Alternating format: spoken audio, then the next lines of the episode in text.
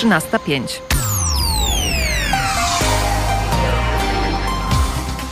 Mamy dzisiaj wtorek, 20 dzień kwietnia, 110 dzień roku. Do końca roku pozostało 255 dni.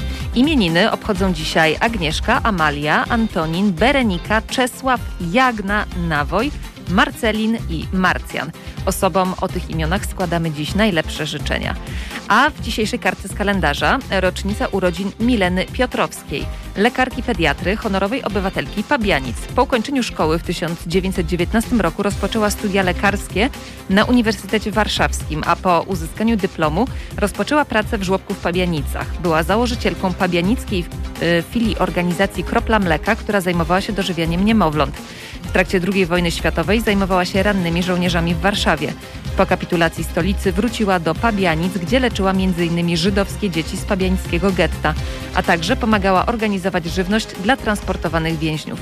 Po wojnie w 1951 roku utworzyła oddział dziecięcy w Szpitalu Miejskim w Pabianicach i została jego ordynatorką.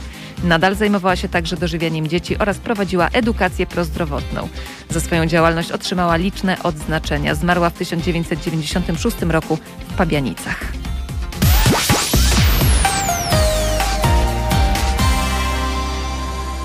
A teraz już 6 e, minut po godzinie 13.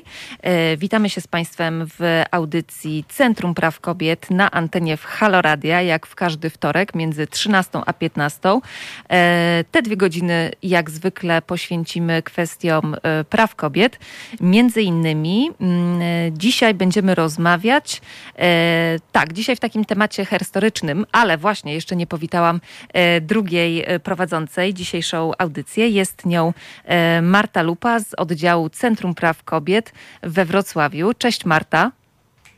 Cześć, witam. Dobrze, wszystko słychać. Super, bardzo się cieszę. E, a ja się też Państwu jeszcze nie przedstawiłam. E, w jakiejś tutaj jestem gonitwie. Joanna Gzyra-Iskandar i ja do Państwa mówię z, ze studia Haloradia z, z Warszawy, bo też w Warszawskim Centrum Praw Kobiet pracuję.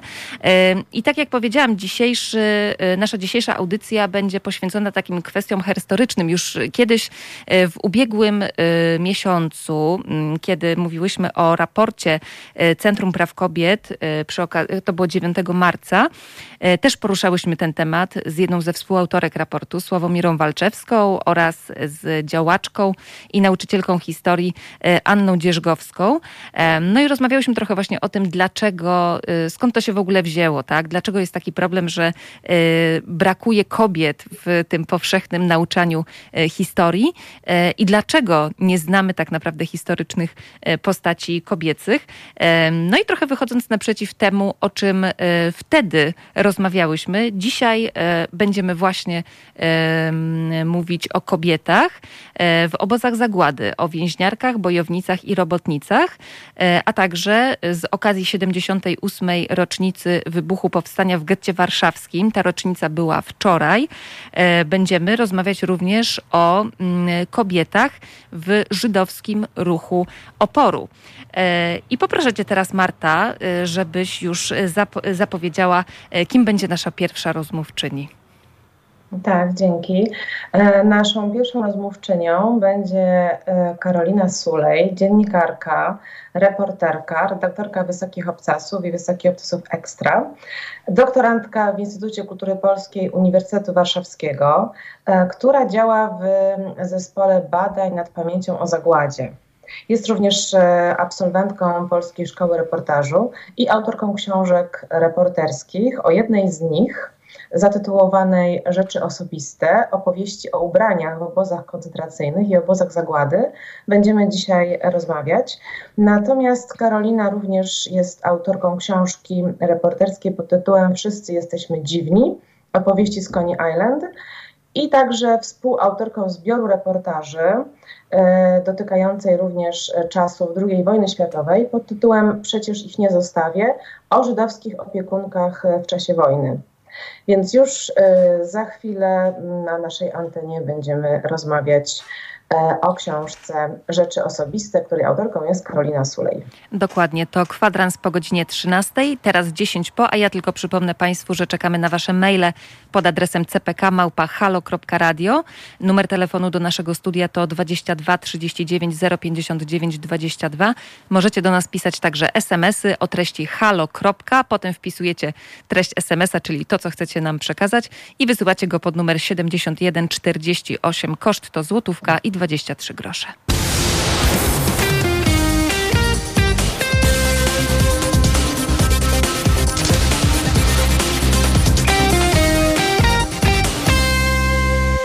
13.15 na naszych zegarach. Słuchacie Centrum Praw Kobiet w Halo Radio i jest już z nami nasza pierwsza rozmówczyni, Karolina Sulej, dziennikarka, reporterka yy, i autorka książki, yy, autorka kilku książek, ale o jednej szczególnie dzisiaj będziemy, yy, będziemy rozmawiać.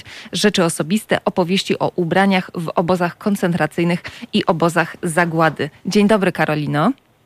Dzień dobry, bardzo mi miło, że mogę być na antenie. bardzo nam miło, że e, przyjęłaś zaproszenie do naszej audycji. Marta, oddaję Ci teraz głos. E, dziękuję, mm, witamy serdecznie.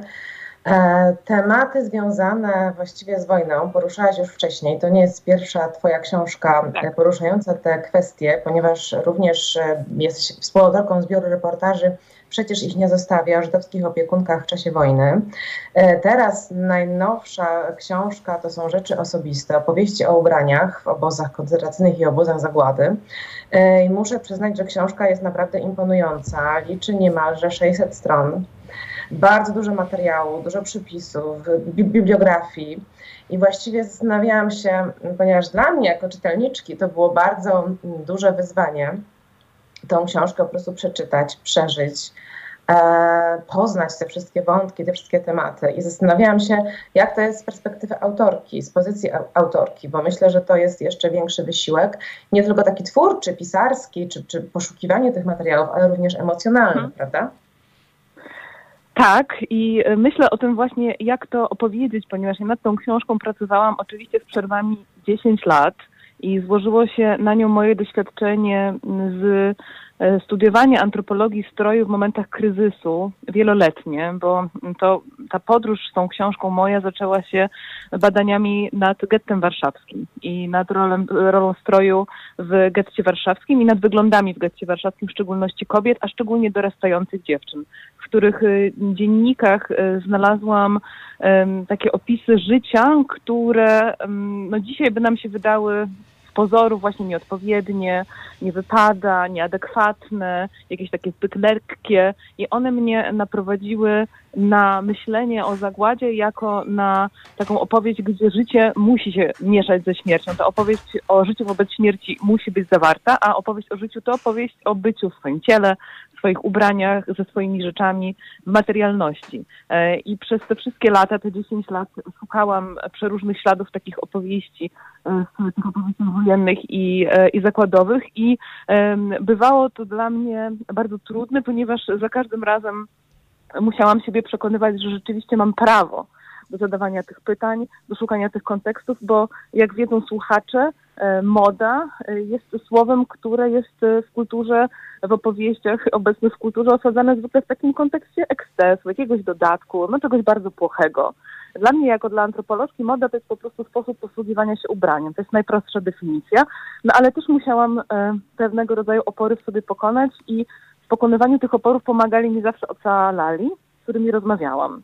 E, I chociaż te rozmowy były bardzo trudne, ponieważ zmuszałam ich, jak mówiła pani Alicja Gawlikowska-Sierszczyńska, do wizytowania tej w cudzysłowie krainy czarów, którą, której by nie chcieli mieć w głowie, to jednak ta wyrazistość tych opisów związanych z ubraniami, to w jaki sposób one były kotwicą dla pamięci, za każdym razem przekonywało mnie, że warto ten wysiłek wykonywać.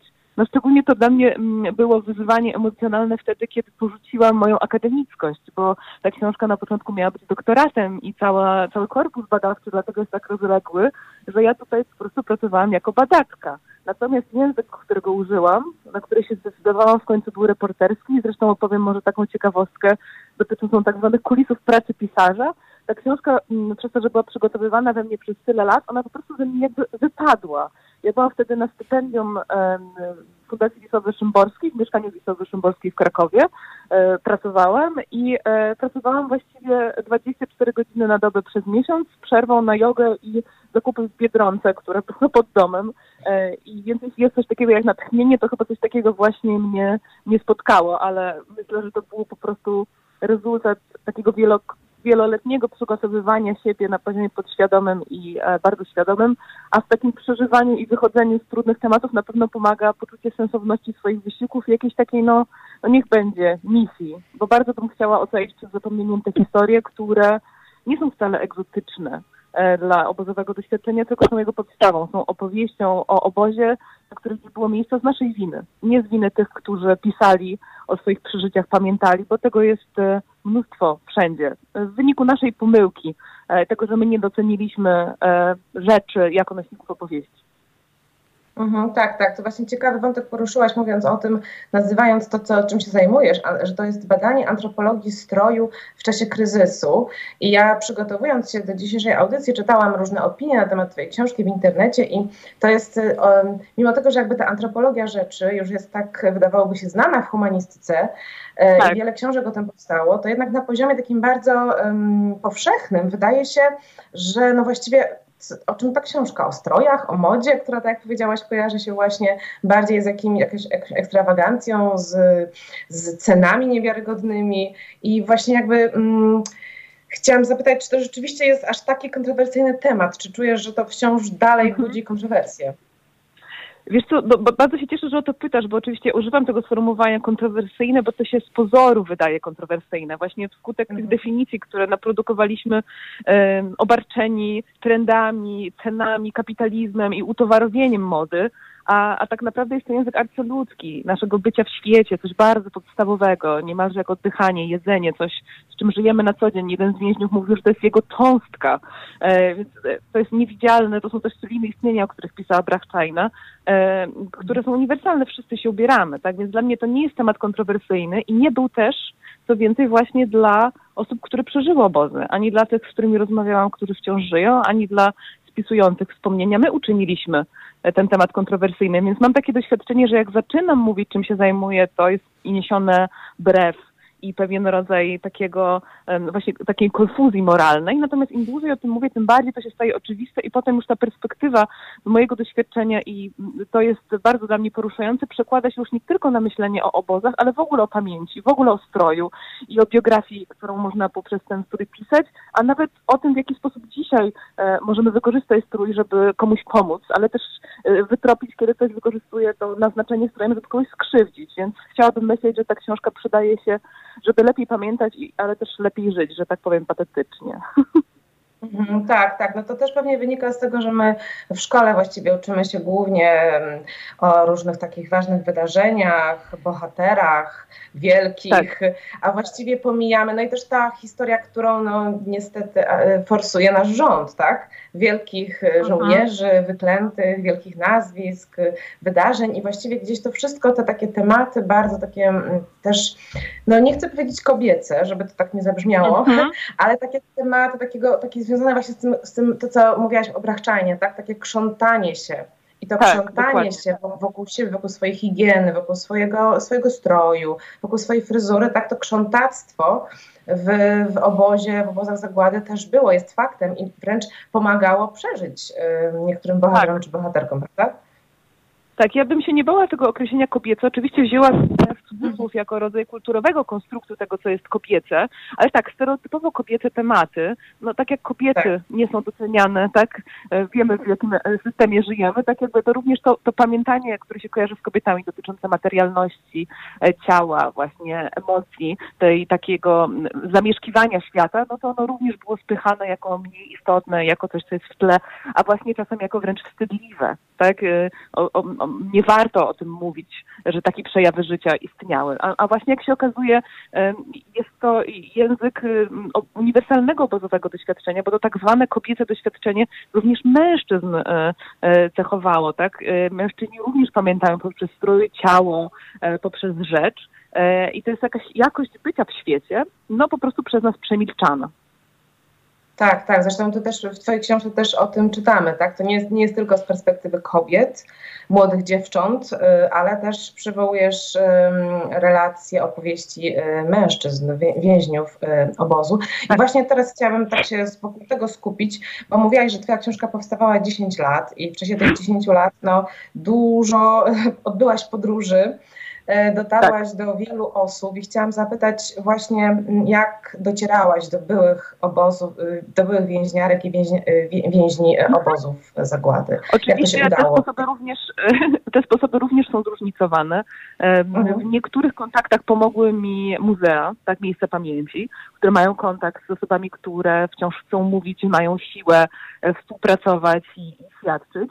E, do niektórych docierałam w ten sposób, że po prostu pisałam e, do nich wiadomości, czy to na adresy, czy dzwoniłam, e, szukałam kontaktu, bo na przykład w przestrzeni publicznej była dostępna ich książka, e, która opisywała doświadczenie obozowe, ale widziałam tam takie ziarenka na, na, na, świadczące o tym, że może z nich wyrosnąć opowieść tylko i wyłącznie o ubraniach albo w tej perspektywie. Tak na przykład znalazłam Zdenkę Fantlową, która zostawiła mi bezcenne świadectwo, a która już wydała swoje wspomnienia, tylko po prostu nie postawiła tam akcentu na strój, a, a tymczasem wszystko y, pamiętała z detalami y, i zostawiła mi na przykład opowieść bardzo przejmującą o tym, jak w tym obozowym procesie wcielania y, został przyznany balowy strój, balowa suknia i opisywała mi z detalami te suknie, perły na tej sukni, bo ja też staram się w tej książce, to jest dla mnie bardzo ważne, zdementować taki, taką pozorną wiedzę, którą mamy na temat strojów obozowych, bo wszyscy wiemy, że było coś takiego jak pasiak, ale czym właściwie ten pasiak mhm. był?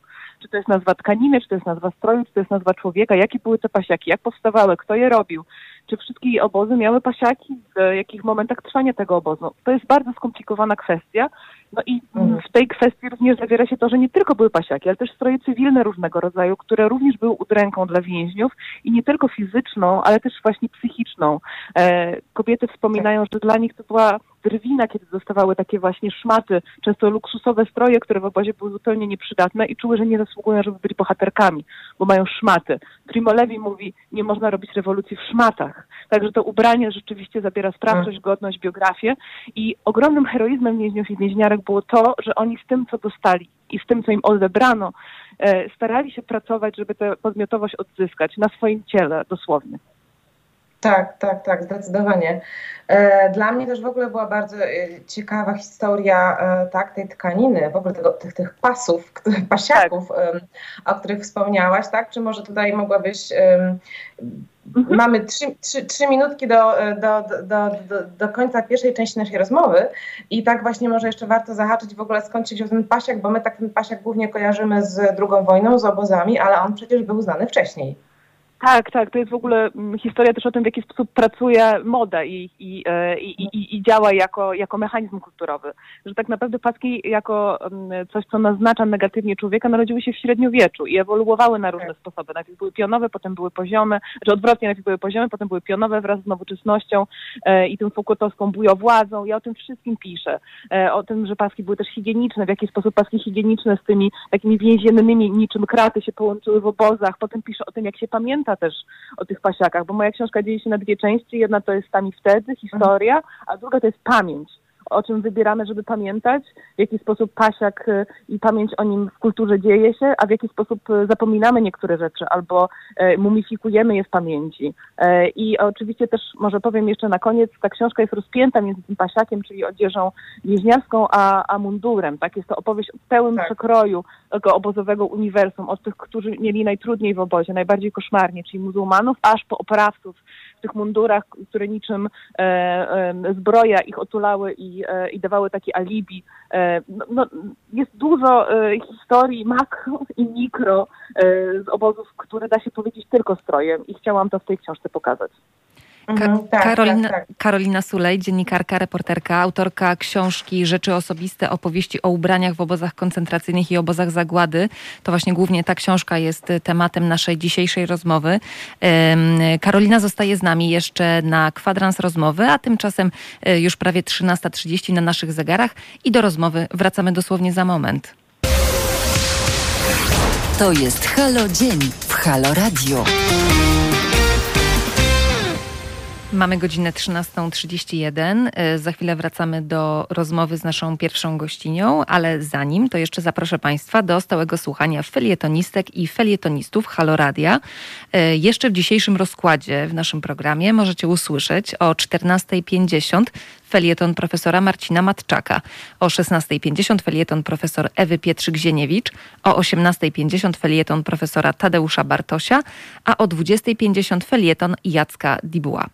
E, także zapraszamy serdecznie. Pierwszy felieton e, zaraz po naszej audycji, a teraz już 13.32 e, i wracamy do rozmowy z Karoliną Sulej, dziennikarką, reporterką i autorką książki Rzeczy Osobiste, opowieści o ubraniach w obozach koncentracyjnych i obozach zagłady. Marta, oddaję Ci głos. Dzięki. Tak, przed w pierwszej części naszej rozmowy um, mówiłyśmy między innymi o, o historii pasiaku, pa, pasków, um, skąd się wzięło i że to nie, był, um, nie pojawiły się one dopiero w obozach zagłady w XX wieku, tylko pojawiły się wcześniej, w średniowieczu. I też wspominałaś um, o tym, co, co właśnie znaczył strój, tak? Nie tylko strój tak. E, więźnia, więźniarki, ale też strój e, oficera, SS-mana. Rzeczywiście dużo, dużo to mówiło. E, I tak jak wspominałyśmy o tym, że mm, często nie, brakowało pasiaków, i kobiety tak. dostawały bardzo takie abstrakcyjne, można by powiedzieć, e, stroje typu suknia balowa, ale na przykład do tego był jakiś taki dziecięcy, przykrótki kubraczek. Właściwie to tak. co się trafiło, tak? Za, za, za mała bielizna, tak. skarpetki różnego rodzaju. E, I w swojej książce piszesz, że właśnie łachmany odbierały sprawczość. I tak się zastanawiam, ponieważ w drugiej części naszej rozmowy będziemy mm, gościć Zuzannę Herz Herzberg, artystkę, która właśnie zajmuje się żydowskimi bojownicami, członki, członkiniami ruchu oporu.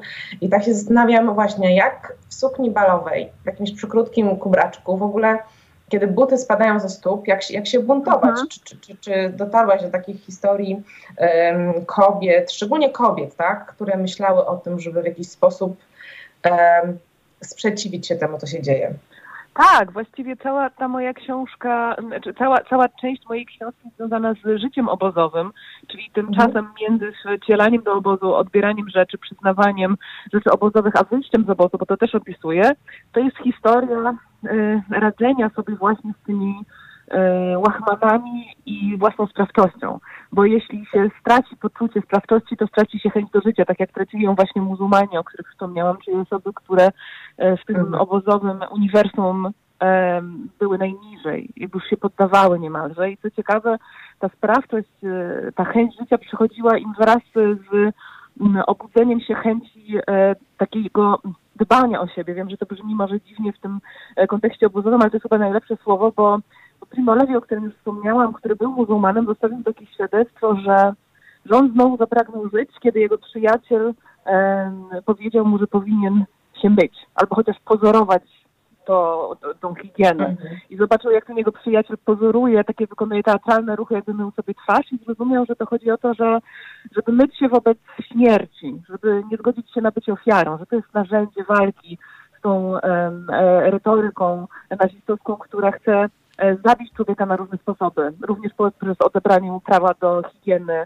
poprzez odebranie mu prawa do własnego stroju, że to jest odebranie prawa do własnej biografii. I on powiedział nie, jakby będę się wobec tego e, buntował właśnie nie za pomocą, jak się okazuje, wielkich słów, idei, tylko za pomocą tych codziennych gestów, które my mamy tak uwewnętrznione na co dzień, że ich nie widzimy, one są odruchowe, a tutaj okazuje się, że pielęgnowanie właśnie tych odruchów, które się wydają tak abstrakcyjne w tych okolicznościach, jest ocalające, że to są performatywy, to wszystko, co się, co się dzieje. I, I w obozie ludzie heroicznie walczyli właśnie o tę sprawczość w łachmanach, wykonując różne zabiegi wokół tych łachmanów. Nie wiem, znajdując sznurek, który mogą sobie podwiązać e, opadającą e, pończochę, e, szyjąc sobie mały woreczek, to się nazywał bojtle, w którym można trzymać łyżkę i jakiś inny mały skarb. E, znajdując chustkę innego koloru, którą można zawiązać na, inny, na, na w jakiś sposób własny. Maria Jezielska mówiła o chustkach w obozie E, różnokolorowych, takich mm, podjazdowych, proporczykach podjazdowej walki z wrogiem, czyli takiej właśnie strategii takiej partyzantki odjazdowej. I właściwie wszystko to, co, e, co robili więźniowie z tymi strojami, które otrzymali żeby ich zabiły, tak, de facto, w jakiś sposób, tak. E, było taką partyzantką. Więc to był rodzaj heroizmu e, więźniów obozów, których się, o którym się dzisiaj nie pamięta, bo nie było narzędzi, żeby go pamiętać. Tak, tak, zdecydowanie. I piszesz również o tym, że um, kobiety, no nie tylko kobiety, tak, ale akurat to, to była relacja chyba jednej z Twoich bohaterek, że jeżeli widać było, że któraś z nich przestaje się myć, tak. przestaje dbać o siebie, to właściwie to było już takie, że ona już odpływa, tak? Odpływa jak w jakiś rodzaj mhm. szaleństwa, czy po prostu już ma, już ma dość, już nie ma siły walczyć o siebie. Czyli wojna to tak naprawdę nie są tylko te wielkie bitwy, strzelanie tak jest. E, i, i decyzje sztabów oficerskich, tylko też tak naprawdę codzienne, codzienne, codzienne, mm, tak jak powiedziałaś, te akty performatywne, które pomagają przeżyć. I w związku z tym też moje pytanie, czy rzeczywiście jakoś tak wynika z tego, co, co, co przestudiowałaś, że ten że bardziej jednak kwestie higieny, stroju i te wszystkie problemy z tym związane bardziej uderzały właśnie w kobiety niż, niż w mężczyzn? Czy mężczyźni mhm. lepiej sobie radzili w tej sytuacji? Myślę, że wiele rzeczy jest wspólne dla kobiet i dla mężczyzn, natomiast ze względu na to, że kobiety są akulturowane do tego, żeby w ogóle zauważać strój i, i urodę, to, to gęstsze są te ich opisy, to jest raz, a dwa, że, że taka podstawowa różnica, o której ja bym chyba powiedziała, to to, że w obozie mężczyźni tęsknili za godnością bardziej, za takim rodzajem um, jakiegoś um, zachowania takiego kręgosłupa, bo, bo, bardzo przeżywali to, że są w tych łachmanach pasiakowych um, i, i, że nie mogą być męscy. Patrzą na te mundury niemieckie i, i, czują się wobec nich tacy mało sprawczy właśnie, mało, mało godni. Natomiast kobiety tęsknią bardzo mocno za pięknem. Zofia Stępień-Baton, która była portrecistką w Muzeum Auschwitz-Birkenau, nie w muzeum, tylko w obozie Auschwitz-Birkenau i muzeum ma jej pracę, opowiada, że przychodziły do niej koleżanki prosząc, żeby namalowała je, wielkie włosy w pięknych e, mhm. upięciach, e, makijaż, biżuterię, bo tęskniły za taką e, kobiecością do kwadratu, można powiedzieć, tak, wręcz dragową, nadmiarową. Tak. I po wojnie pisały, że one już e, po wojnie nie chciały tak wyglądać, że tam, tam Maria Ojrzyńska, jedna z ocalałych, mówi, że ona miała krótkie włosy i nosiła się po męsku, ale pamiętała, że w obozie ta, ta, ta kobieta z tej rekwizyty to było coś, czego, czego jej tak szalenie brakowało.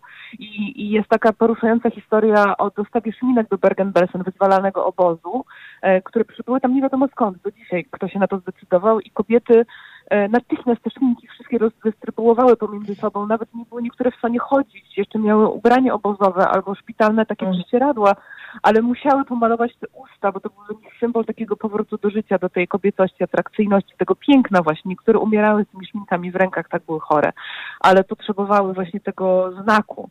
E, I, i to jest dla mnie bardzo e, przejmujące. E, aczkolwiek też mężczyźni pisali o dandyzmie obozowym, e, pisali o tym właśnie, że mhm. oni chcą mieć ten zaprasowany kant na pasiaku. E, tak samo mężczyźni i kobiety dopasowywali sobie pasiaki czy stroje cywilne, żeby nie tylko wygodniej było, ale żeby się czuli właśnie bardziej tacy osobni, wyjątkowi i, i sprawczy. Więc to są rzeczy uniwersalne dotyczące noszenia strojów, które łączą obie płcie. To, co dwie płcie rozdziela, to ta, ta właśnie akulturacja, że, że kobiety zauważają co innego, innego. Mhm, tak, tak. No i też chyba, nie wiem, tak mi się wydaje, też po lekturze Twojej książki, że dla mężczyzn jednak to golenie włosów, oczywiście nie mówimy tutaj o tak. Żydach, tak, religijnych, bardzo takich, um, dla których pejsy są bardzo ważne, ich zgolenie pejsów tak. to jest takie wręcz no, no, haniebne, tak, i dla nich to jest du, du, duża, duża strata i duży problem. Natomiast dla kobiet rzeczywiście to, to golenie głowy, które też i nie tylko głowy, właściwie całego ciała, które odbywało się też w mhm. takich no, bardzo trudnych warunkach, jakimś tępym ostrzem, tępym narzędziem, rzeczywiście jest chyba bardziej znaczące niż, niż dla no mężczyzn. To jest ogromnie, ogromnie traumatyczne. Mężczyźni e, nie przeżywali tego tak, oni, e, tak jak mówią niektórzy więźniowie, to było dla nich takie żołnierskie, takie więźniarskie, no to było nieprzyjemne, ale tak. to nie było nieprzyjemne, traumatyzująco. Natomiast dla kobiet, e, no to golenie głowy, ta, ta cała czynność, takie naznaczenie kobiety jest związane z właśnie z jakimś rodzajem wykroczenia, transgresji kulturowej. Tak się zaznacza zdrajczynie, szczególnie kolaborantki tak zwane horyzontalne. No kobieta czuła się upokorzona y, to, tą czynnością na poziomie symbolicznym, nie mówiąc już o tym, że odsłanianie ciała, golenie włosów na ciele dla kobiety, no to był po hmm. prostu gwałt. Tak, tak, tak, zdecydowanie, zdecydowanie. I tak jak wspomniałam wcześniej, to właściwie nie jest pierwsza Twoja książka, w której, w której poruszasz temat mody. E, wcześniej e, wydałaś książkę pod tytułem Modni od Arkadiusa do Zienia e, i piszesz o tym, że ubranie to jest taki, jak już mówiłyśmy, rekwizyt, lustro, przeszkoda, tak. mask, zbroja, manifestacja. Opowiada o władzy, i niepodległości. I też chciałabym tak trochę teraz y, przekierować rozmowę na y, drugą stronę życia obozowego, czyli na mundury, na mundury SS-manów. Co one mówiły, co one miały wyrażać? E, mundur to jest wynalazek chyba naj, jedno z najbardziej potężnych um, strojów, jakie ludzkość wymyśliła. E, i, I szczególnie ten mundur SS. Ja dokładnie opowiadam o tym, w jaki sposób on był e, opracowany jako koncept, e, w jaki sposób działał, w jaki sposób opakowywał ciało. Zresztą niesamowicie o tym piszę też w męskich fantazjach, w takim, takim zbiorze opowieści o tym, czym jest, czym jest męskość niemiecka Klaus Teveles, natomiast Tevelel, natomiast E, I mnie zależało na tym, żeby pokazać, w jaki sposób, o ile pasiak jest tym kostiumem upokorzenia, e, to mundur jest tym kostiumem alibi. E, takim płaszczem Supermana, tak? I w jaki sposób e, taka niewielka zmiana, że człowieka się wpakuje w taki rodzaj ubrania, w jaki sposób ona wpływa na jego realne zachowanie. To szczególnie było widać na przykładzie strażniczek, które co prawda nie miały munduru SS, e, e, świetnie skrojonego, e, wymyślonej tej, tej współczesnej zbroi, natomiast również miały mundurowe stroje, a to dla kobiet wtedy było była już ogromnie duża zmiana. To były zwykłe wiejskie dziewczyny, często nieporadne w jakichś kłopotach życiowych i one dostawały te mundurowe marynarki, te kuloty, takie spodnie szerokie, te buty wysokie i nagle one się całkowicie zmieniały.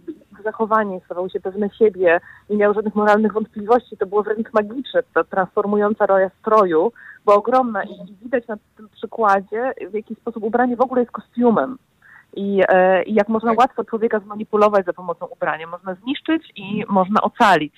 E, ja zresztą piszę też o tych mundurach SS e, nie tylko w kontekście tego, jak one były wymyślone i funkcjonowały w obozach, jak więźniowie pamiętają oprawców i co pamiętają, a, a rzeczywiście te mundury są asumpcją do przeróżnych fantazji lękowych i, e, i jakichś takich demonicznych, że to są wręcz postacie z jakichś w ogóle baśni czy mitów, ale też o tym, jak ten mundur jest pamiętany. E, I w jaki mhm. sposób, to jest ciekawe, kultura e, e, stara się ten mundur pozbawić tej straszności, tej grozy i wyśmiać, jakoś przejąć, jakoś oswoić, nawet seksualizować i przejąć. To jest ciekawe, że mundur SS jest jednym z bardziej popularnych fetyszy gejowskich na przykład. I to jest już zupełny paradoks historyczny i wielkie zwycięstwo subwersji, mam wrażenie. Tak tak, tak, dokładnie. A jeszcze takie, ponieważ zostały nam dwie minuty do końca naszej rozmowy, y, bardzo jesteśmy ciekawe, y, nad czym teraz pracujesz. Czy również zajmujesz się antropologią stroju? E, tak, e, i nie. Mhm. Tak, ponieważ piszę drugą część e, rzeczy osobistych. To oczywiście nie będzie to się tak nazywać, druga część rzeczy mhm. osobistych będzie miała swój tytuł. I tam będzie więcej wywiadów z ocalałymi, które się tej książki mojej nie zmieściły i będą też zdjęcia, bo wiem, że brakowało tego odbiorcom i historie e, do tych zdjęć dopasowane, więc będzie takie bardziej albumowe wydanie. I pracuję również nad czymś, co może być bliskie Centrum Praw Kobiet, ponieważ e, pracuję nad książką, e, która będzie opisywać, będzie jakby takim, będzie się składać z portretów kobiet, które po 90 roku zrobiły coś istotnego dla w obszarze takiej kultury związanej z seksualnością i cielesnością i intymnością kobiet w Polsce. E, czyli nie tylko seksuolożki w gabinetach, ale kobiety, które realnie zainterweniowały w kulturę tak, żeby ten obszar wolności związanej z ciałem, dbaniem o siebie, właśnie seksualnością dla kobiet w Polsce rozszerzać. Będą to i artystki, e, i piosenkarki, i podcasterki, i pisarki, i dziennikarki, e, kobiety, które w tej publicznej sferze poszerzają nam tutaj pole walki, jeśli tak wyrażę, w tym obszarze naszego życia już brzmi bardzo ciekawie i myślę, że y, z całą pewnością y, chętnie sięgniemy po tę książkę i mam nadzieję, że będzie ona też mm, takim pretekstem do y, kolejnej rozmowy, może właśnie na antenie Haloradia. Karolina Sulej, bardzo dziękujemy za szalenie ciekawą rozmowę. Bardzo dziękujemy. dziękuję. Bardzo. bardzo, bardzo było miło. Dziękuję bardzo. A teraz już 13.45 e, na naszych e, zegarach. Przypomnę też, że czekamy cały czas na mm, Państwa głosy. Możecie do nas pisać maile na adres mailowy cpkmałpa.halo.radio, smsy o treści halo. i potem wpisujecie treść smsa, który wysyłacie pod numer 7148. Numer telefonu do naszego studia to 22 39 059 22, a Centrum Praw Kobiet na antenie Halo Radio zostaje jeszcze przez godzinę.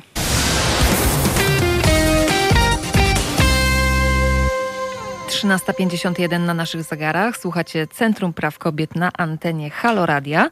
E, dzisiaj Centrum Praw Kobiet w takim historycznym wydaniu. Przed chwilą zakończyłyśmy rozmowę z Karoliną Sulej, e, która jest reporterką E, pisze takie reportaże historyczne, mm, jest też dziennikarką i rozmawiałyśmy z nią o książce Rzeczy Osobiste, która jest poświęcona historii stroju i temu, jak strój był traktowany w obozach koncentracyjnych i w obozach zagłady.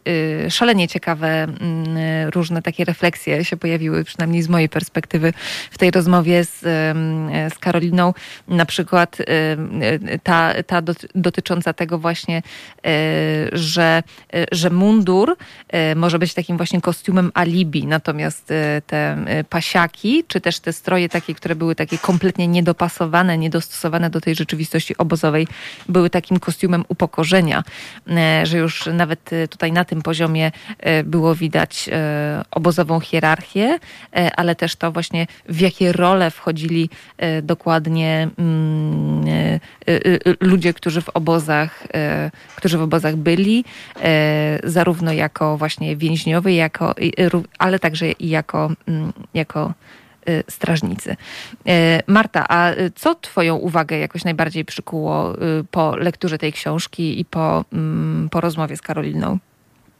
No ja właśnie żałuję, że nie miałyśmy czasu, żeby poruszyć też drugiego ważnego tematu, który jest też bardzo dobrze opisany w książce i dotyczy on higieny, bo jedno to jest jakby strój, ubranie, fryzura, też mówiłyśmy o tym goleniu włosów, ale też higiena, e, dlatego że mm, e, Niemcy, SS-mani w obozach e, bardzo często nazywali więźniów, więźniarki polskiego pochodzenia, jako, określali jako brudne Polaczki.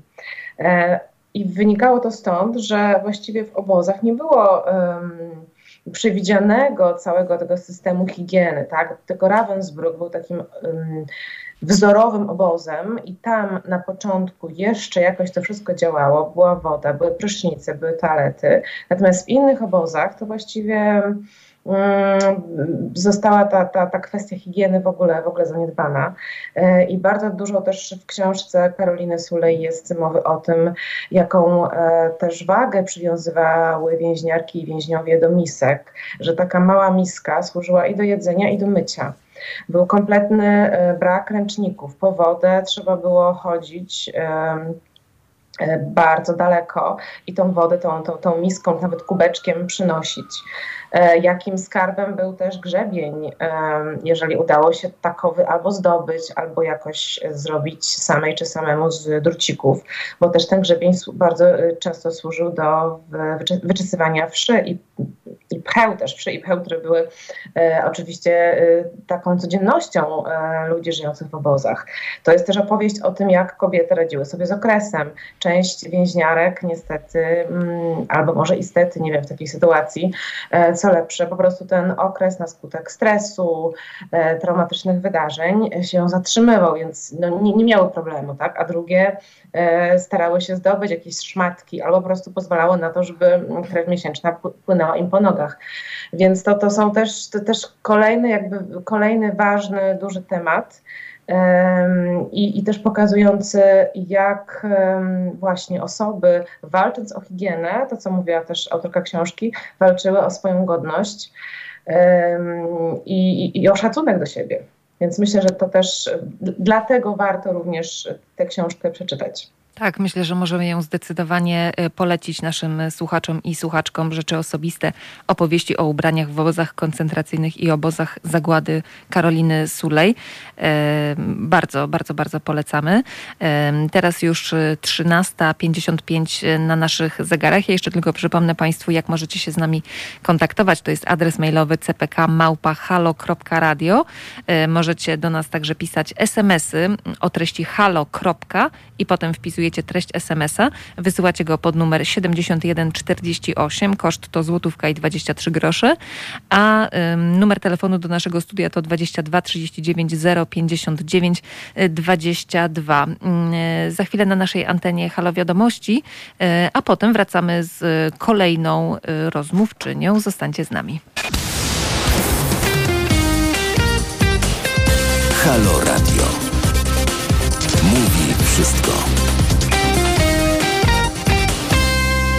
Jest 14.06.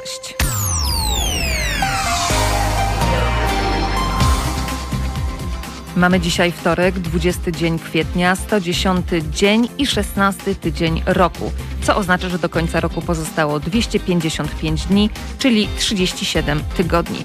Imieniny obchodzą dzisiaj Sekundyn, Severian, Sulpicjusz, Szymon, Teodor, Teotym, Ursycyn, Wiktor Zenon i Zotyk. Osobom o tych imionach składamy najlepsze życzenia. A dzisiaj urodziny obchodzi Żenia Łapiszana. E, jej właściwe imię to Żenia Batista de Carvalho urodzona 20 kwietnia 1974 roku.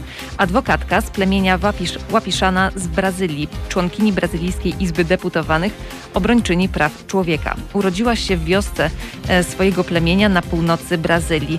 Gdy miała 8 lat, jej rodzina przeniosła się do Boa Vista, gdzie rozpoczęła edukację. Po uzyskaniu średniego wykształcenia pracowała w biurze rachunkowym, aby móc zapewnić sobie pieniądze na studia. W 1997 roku ukończyła prawo, stając się pierwszą adwokatką wywodzącą się z rdzennych ludów.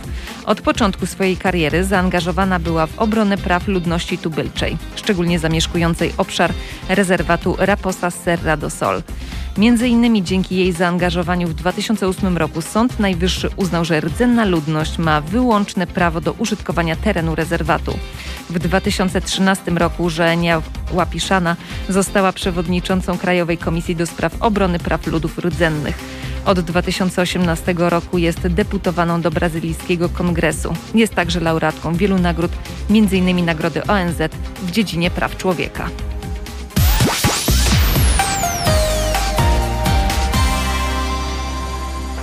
I jeszcze chciałam Państwu przypomnieć, że zapraszamy serdecznie do stałego słuchania felietonistek i felietonistów Halo Radia. Zaraz po naszej audycji, czyli o 14.50 felieton profesora Marcina Matczaka, o 16.50 felieton profesor Ewy Pietrzyk-Zieniewicz, o 18.50 felieton profesora Tadeusza Bartosia, a o 20.50 felieton Jacka Dibua.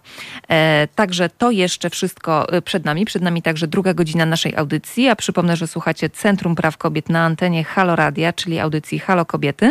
E, dzisiaj w wydaniu herstorycznym i przypomnę, że wczoraj obchodziliśmy 78. rocznicę wybuchu powstania w getcie warszawskim i teraz o udziale kobiet w tym powstaniu i w ogóle kobiet w żydowskim ruchu e, oporu będziemy rozmawiać z naszą e, kolejną rozmówczynią. Marta, czy mogłabyś e, przedstawić naszą następną gościnę słuchaczom i słuchaczkom?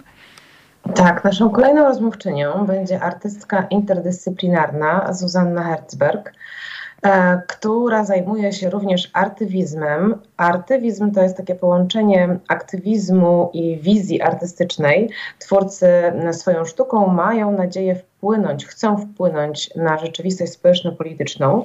E, Zuzanna Herzberg jest również e, badaczką, zajmuje się w swojej pracy e, artystycznej malarstwem, działaniami performatywnymi, tkaniną, as asamblażami.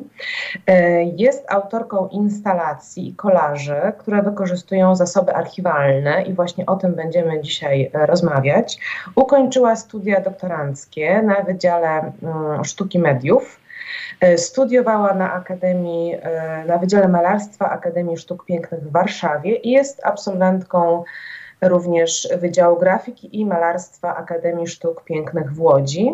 I już za chwilę porozmawiamy o jej nieotwartej, wystawie związanej właśnie z bojownicami, więźniarkami obozów zagłady. Dokładnie. Z Zuzanną Herzberg łączymy się dosłownie za 5 minut, czyli kwadrans po 14. Teraz 10 po, więc jeszcze tylko przypomnę Państwu, jak możecie się z nami kontaktować. Nasz adres mailowy to cpk, cpk, czyli skrót od Centrum Praw Kobiet, małpa halo.radio. E, możecie do nas także wysyłać smsy o treści halo. Potem wpisujecie treść smsa. Możecie go wysłać pod numer 7148. Koszt to złotówka i 23 grosze, a numer telefonu do naszego studia to 22 239 059 22.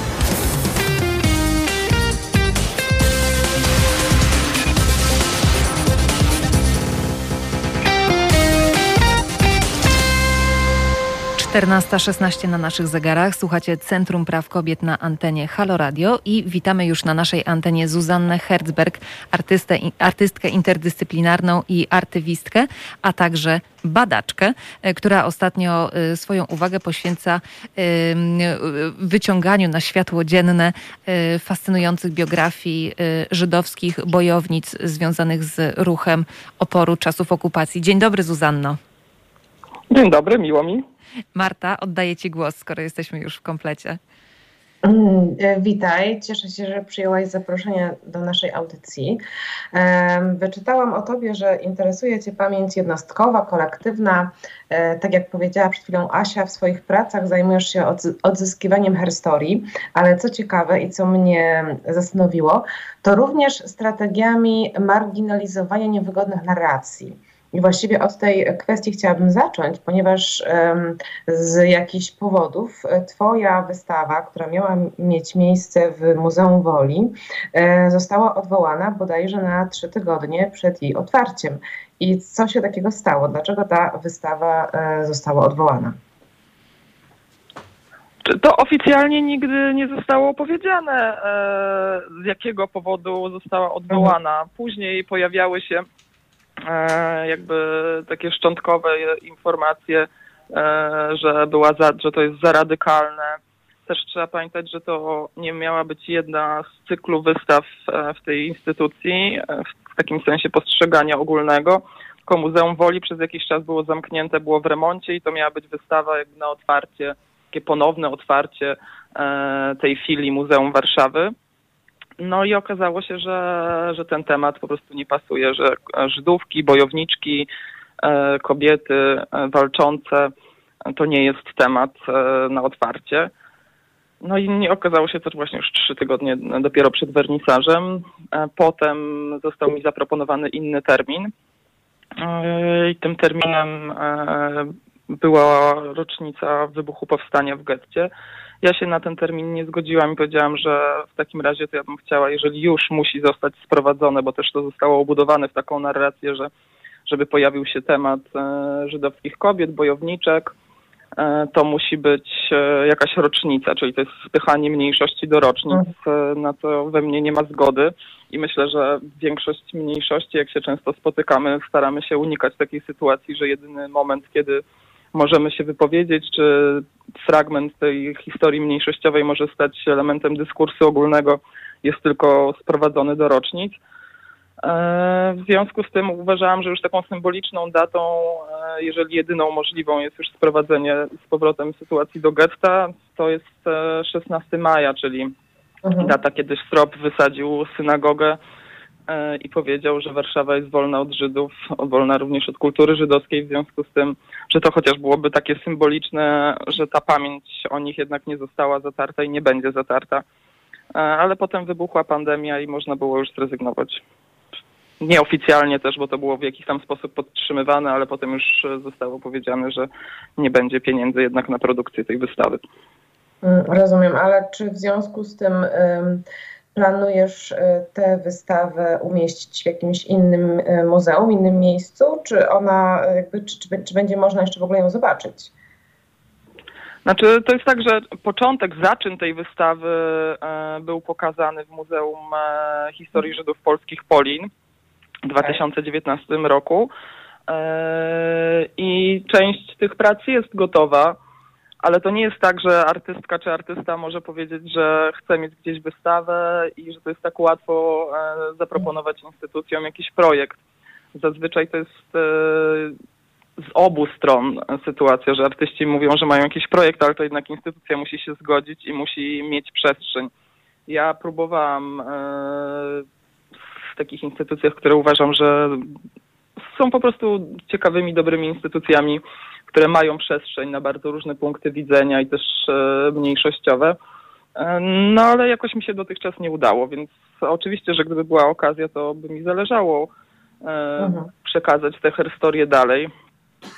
No bo jakby to jest trzy lata ponad mojej pracy, więc i zawsze te wszystkie moje działania wystawiennicze też są, towarzyszy im performance mówiony ponieważ mi bardzo zależy i uważam, że to jest jakby też istotą przekazywanie tych opowieści dalej, bo inaczej to nie zadziała. Czyli jeżeli my będziemy o tym mówić, ktoś będzie chciał o tym słuchać, zapamięta część, opowie komuś innemu i tylko w ten sposób e, one zagoszczą tak naprawdę e, w naszych opowieściach codziennych i jakby w historii oporu, e, który miał miejsce w tym kraju. Ale też to jest tak, no, że te opowieści powinny się znaleźć w podręcznikach, w mediach e, i w innych miejscach, ale jak długo nie możemy tego zrobić, a na to nie mamy aż tak bardzo wpływu, to przynajmniej możemy oddolnie działać. Mhm, tak, dokładnie. O tym też Rozmawiałyśmy w pierwszej części e, naszej audycji z autorką książki Rzeczy Osobiste, e, Karoliną Sulej, że historia przedstawiana w podręcznikach i na lekcjach historii wygląda bardzo tak posągowo. To są ważne bitwy, ważni generałowie, ważne wydarzenia. Natomiast to, co robią właśnie czy Karolina jako reportażystka, czy ty jako artystka, to jest też odzyskiwanie tych takich historii, nie chcę powiedzieć mniej ważnych, ważnych, ale mniej, e, bo one są równie ważne, tylko wydobywanie właśnie na światło e, dzienne bohaterek, których nie ma ani w podręcznikach, ani za bardzo w książkach historycznych. I właśnie tutaj chciałam zapytać, bo, bo mówiłaś o tym, że ta wystawa okazała się za radykalna, jej treści. Chciałam zapytać o te y, bohaterki tej wystawy, bo to były y, kobiety żydowskiego pochodzenia, które w obozach zagłady y, buntowały się. Należały do pewnego rodzaju ruchu oporu. E, no nie do pewnego rodzaju, tylko stricte do ruchu oporu. E, tworzyły go, współtworzyły, czasami nim kierowały. E, I tak miał ten, ten projekt, ma w sobie ten podział na kobiety, które walczyły w gettach, bardzo różnych. Też są bohaterki, heroinki, które jakby były w różnych gettach w różnym czasie i w różnych momentach przygotowywały ten opór, ale były też osoby, które działały w jednym getcie, jak na przykład, nie wiem, Justa Justyna Draenger, która budowała ruch oporu w getcie krakowskim, e, mhm. ale też e, były heroinki, które działały w obozach śmierci i zagłady, e, w obozach pracy, także kobiety, które tworzyły ruch partyzancki, czy były jego częścią. Tak, tak, bo y, właśnie to są, to, są, to są kobiety, które y, mordowały nazistów, szykowały powstania, przemycały broń, przemycały proch. Y, czym jeszcze zajmowały się mm, y, te, te osoby? Jak, na czym polegał ich, ich opór i ich walka? E, w skrócie można powiedzieć, że kobiety robiły wszystko to, co mężczyźni i jeszcze więcej.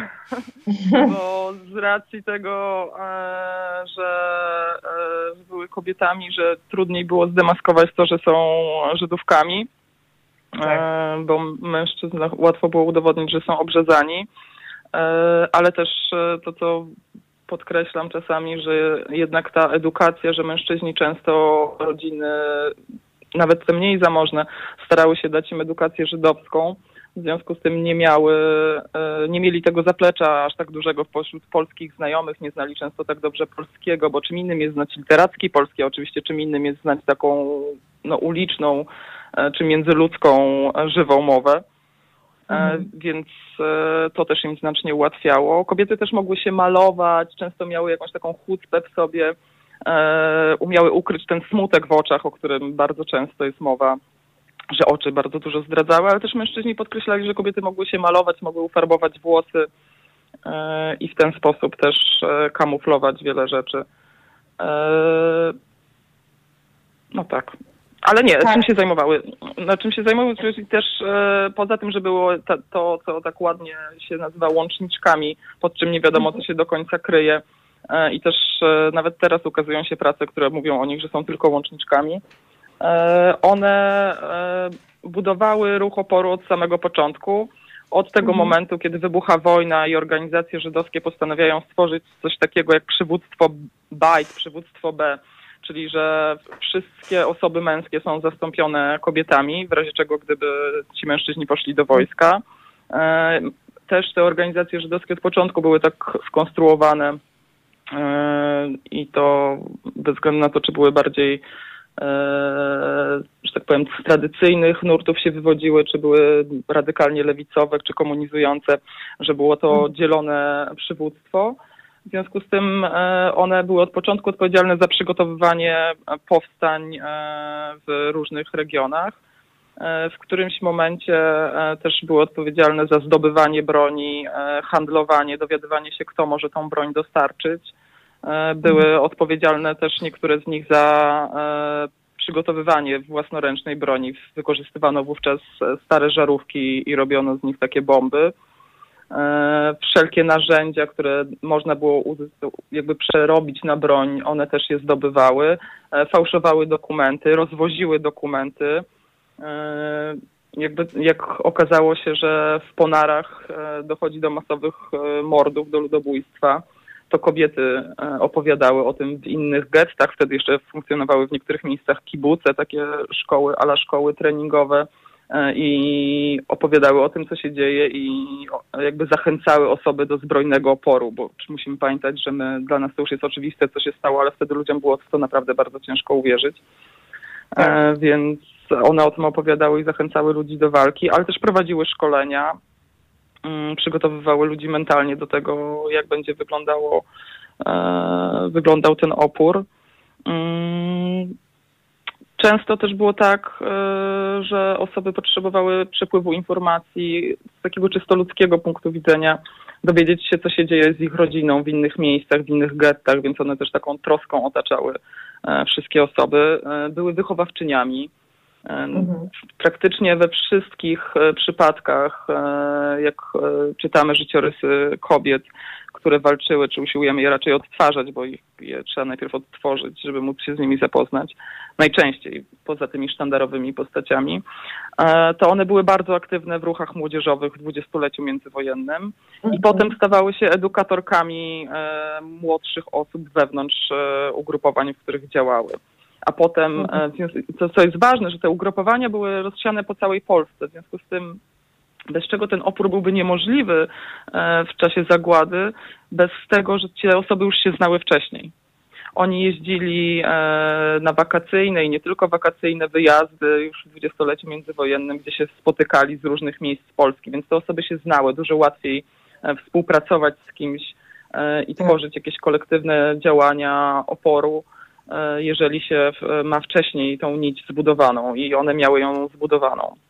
Mhm, tak, Mm. zdecydo- zdecydowanie, bo to były też e, prawda, osoby, które należały wcześniej przed wojną, tak jak wspomniałaś, do różnych, do różnych ruchów, też do tych em, takich socjalistycznych czy komunistycznych stowarzyszeń, więc im też naturalnie jakby przyszło to takie mm, em, e, u- budowanie kolejnego, jakby kolejnej grupy, kolejnego ruchu oporu, kolejnego jakby organizowania się, tak? Więc też myślę, że to jest ważne, że one zajmowały się tym również, e, również prze, przed wojną.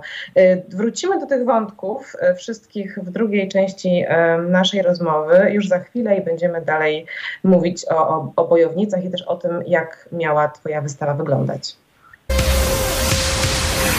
Słuchacie Halo Dnia w Halo Radio.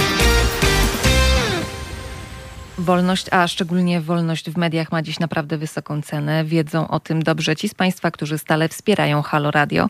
Za to wsparcie chcemy w tym tygodniu szczególnie podziękować między innymi pani Hannie ze Świebodzic, pani Elizie z Mielca, panu Wojciechowi z Lublina, pani Sylwii z Gdańska, panu Ziemowitowi z Piotrkowa Trybunalskiego, panu Andrzejowi ze Skawiny, panu Leszkowi ze Staszowa, panu Jackowi z Warszawy, pani Ewie z Oleśnicy i pani Alinie z Olsztyna.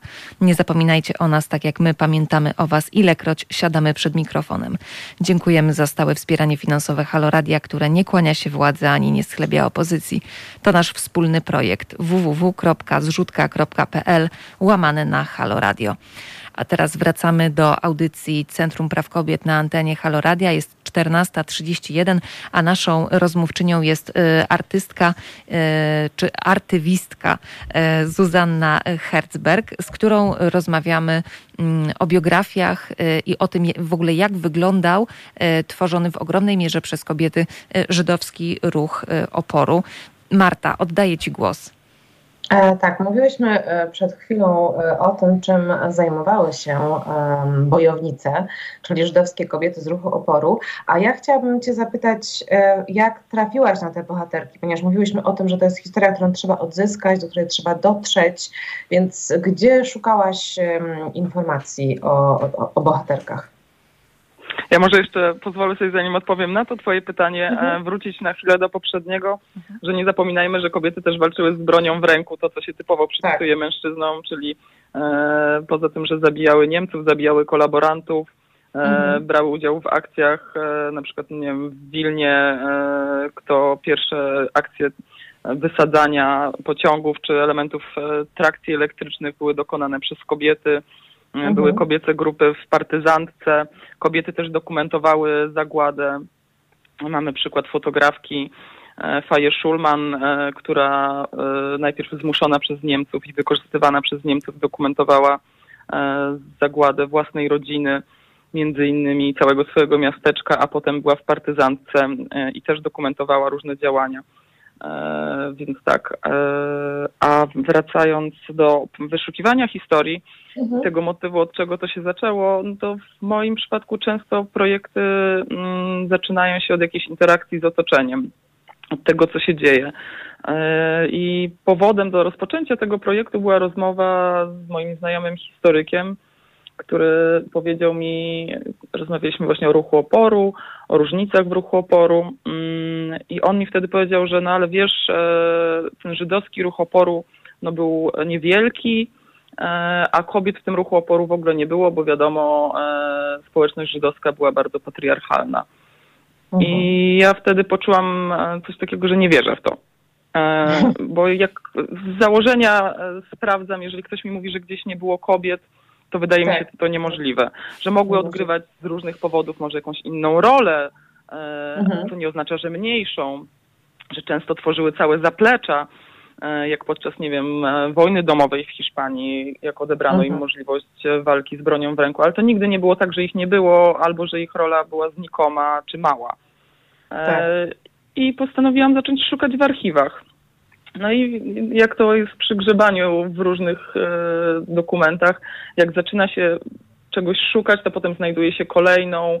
E, ja też mam taką wypracowaną metodę z poprzednich projektów, że staram się dotrzeć do rodzin, e, bo rodziny e, często w inny sposób opowiadają te historie też na inne, taki bardziej aspekt ludzki e, są w stanie przekazać też jaką ktoś był osobą, jaki miał charakter, e, co dana osoba lubiła nosić, w co się ubierać, w jaki sposób pokazywała emocje, troskę, jak te doświadczenia potem e, wpłynęły na rodziny często.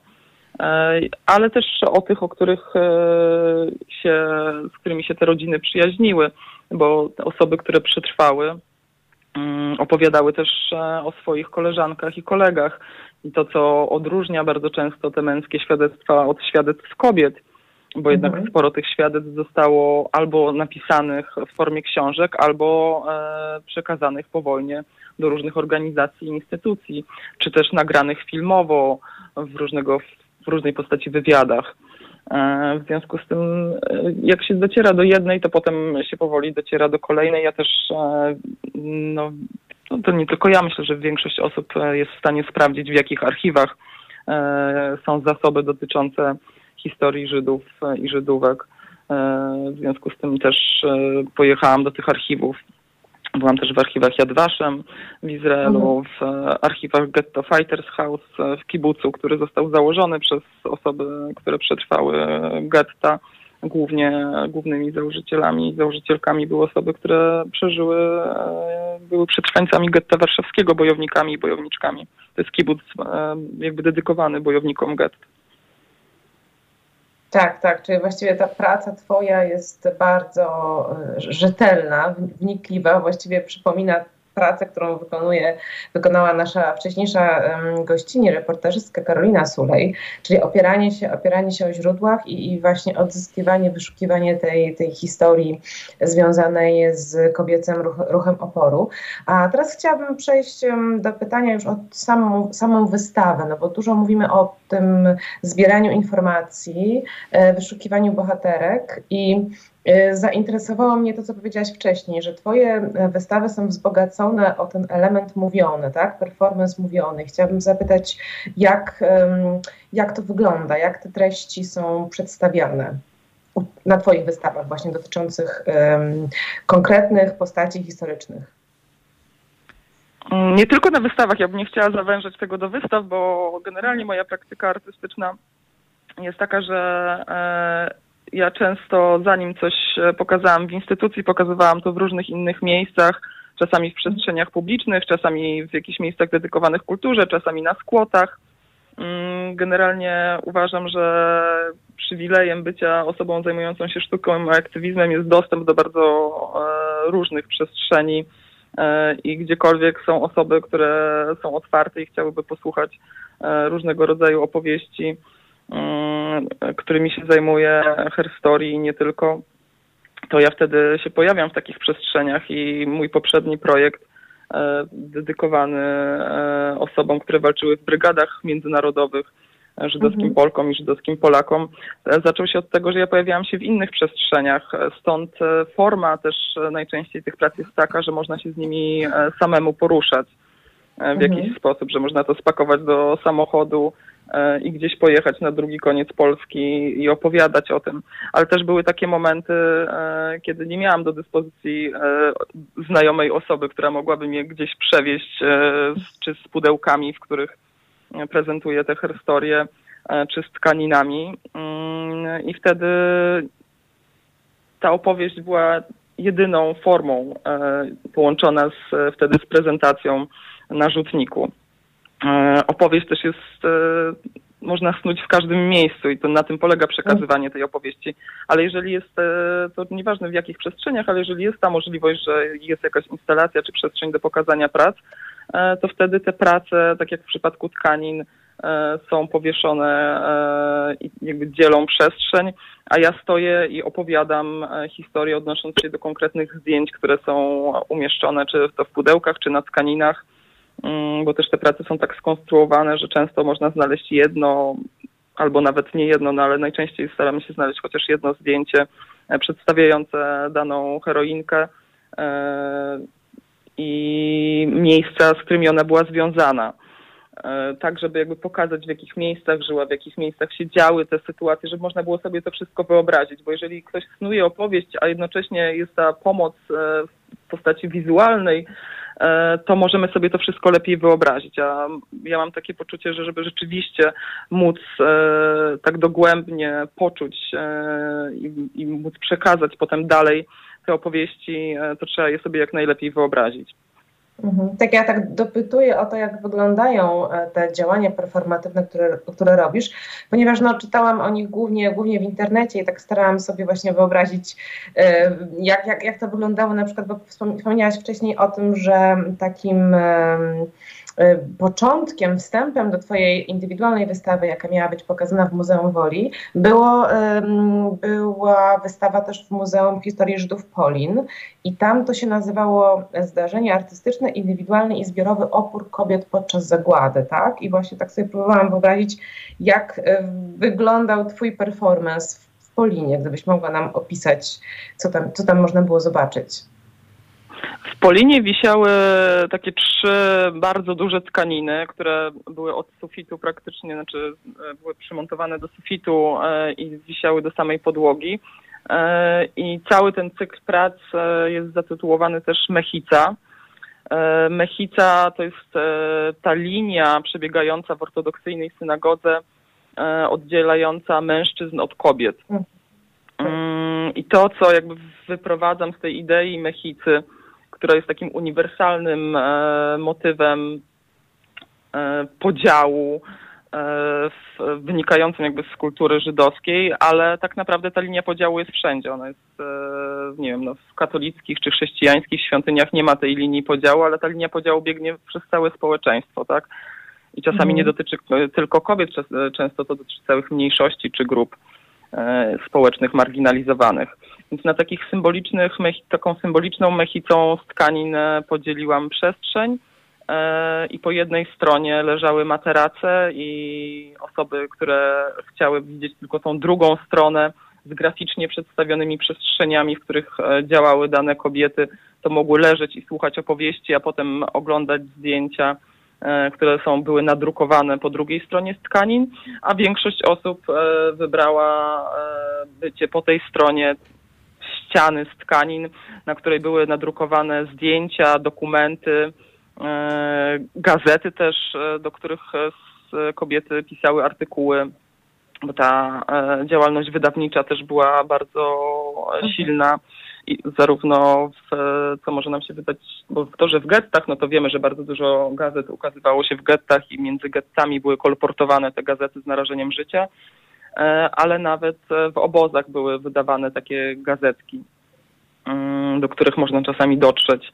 One się czasami mhm. zachowały w archiwach. Więc takie różne dokumenty przedstawiające zdjęcia z miejsc, w których e, się urodziły, w których działały e, i dokumenty z nimi związane czy teksty, które pisały i ja opowiadałam historię tych kobiet na tle tych tkanin. Mhm. Czy też właściwie Twoje projekty, z tego co mówisz, to tak wynika, że dopasowujesz też do przestrzeni, tak? Jeżeli właśnie jesteś na skłocie i na przykład nie możesz powiesić tam tych wielkich tkanin, no to zostaje opowieść, tak? Właśnie ten performance mówiony. Jeżeli jesteś w muzeum, e, tak jak w Polinie i są ku temu e, możliwości, to ten jakby pojawiają się tkaniny, czy pojawiają się obrazy. Jeżeli nie masz możliwości właśnie rzutnik, przedstawienia swoich prac, to wykorzystuje rzutnik, więc właściwie bardzo jest ta sztuka taka demokratyczna. Wszędzie właściwie można wejść. Tak, tak mi się wydaje z tego, z, tego, z, tego, z tego, co opowiadasz. Tak, ale e, tkaniny to też nie jest coś takiego, że żeby powiesić e, nawet gigantyczne tkaniny, to trzeba być e, w dużej instytucji. Tak. Tkaniny można powiesić w taki sposób, żeby podzielić prawie każdą przestrzeń, jakby mieć pomoc jak kilku osób znajomych, to można je powiesić nawet w parku się uprzeć na drzewie albo e, na wspornikach. Więc e, no i poza tym to też można przewieźć. To polega na tym, że bez budżetu od instytucji czy bez żadnych stypendiów, e, o które no powiedzmy, że się jakoś tam nie mam szczęścia do ich dostawania, tych z Polski, to, e, to po prostu bez wsparcia finansowego bardzo trudno jest e, już e, takie rzeczy realizować. Tak? Jakby ten proces badania archiwów, który się dzieje przez parę lat, jeszcze można jakoś samemu dźwignąć, mimo że to jest bardzo mhm. czasochłonne, ale już pewnie to samo, co mogłaby powiedzieć Karolina Sulej, już tak wydanie książki, czy wyprodukowanie obiektów e, no jest e, po prostu pochłania budżet jakiś taki, który już ciężko być self-funding, jak to niektórzy mówią, chociaż i tak bardzo wiele projektów na takiej zasadzie powstaje. Mhm, tak, tak. No ni niestety musimy już zmierzać powoli ku końcowi naszej rozmowy, a bardzo ciekawe rzeczy opowiadasz. Jeszcze gdybyś mogła tak dosłownie, e, mamy minutkę, powiedzieć, nad, nad czym teraz pracujesz, o czym będą twoje, o czym będzie twój kolejny projekt? Czy masz już wybrane bohaterki czy bohaterów? E, ja z jednej strony cały czas kontynuuję ten projekt e, Mechicy o indywidualnym i zbiorowym mhm. oporze kobiet podczas zagłady. E, ponieważ bardzo mi zależy na odnalezieniu jak największej ilości kobiet i zidentyfikowaniu ich imienia i nazwiska i pokazaniu ze zdjęcia, więc ten projekt mi się rozrasta. E, więc któregoś dnia, jak będę mogła go zmaterializować w całości, to będzie po prostu dużo większy niż miał być w założeniu. A kolejnym mhm. projektem e, jest projekt, który wymaga troszeczkę innego podejścia, bo już z racji odległości w czasie nie ma możliwości spotkania krewnych osób, ale też jest oparty na archiwach i jest o kobietach e, anarchistkach i aktywistkach od XVIII wieku. E, też bardzo rzadko słyszymy o tym, że był anarchistyczny opór nawet w getcie warszawskim, a o żydowskich kobietach anarchistkach wiemy bardzo mało, a one funkcjonowały. Mhm, dziękuję bardzo. Dzięki bardzo Dzięki. Zuza, że byłaś naszą gościnią. Przypomnę tylko naszym słuchaczom i słuchaczkom, Zuzanna Herzberg, artywistka, była naszą gościnią. Dzięki bardzo. Dziękuję serdecznie za zaproszenie, dziękuję Państwu. Dzięki Zuza i do usłyszenia. A my też e, kończymy już e, dzisiejsze wydanie naszej audycji. E, zapraszamy Państwa oczywiście za tydzień, we wtorek między 13 a 15 Centrum Praw Kobiet na antenie Haloradia. Już za chwilę felieton profesora Marcina Matczaka o 15 Halo Wiadomości, a zaraz potem Halo Aktualności Mariusza Rokosa, na które oczywiście również zapraszamy. A dzisiejszą audycję prowadziły dla Państwa Joanna Gzyra-Iskandar i Marta Lupa. Dziękujemy serdecznie.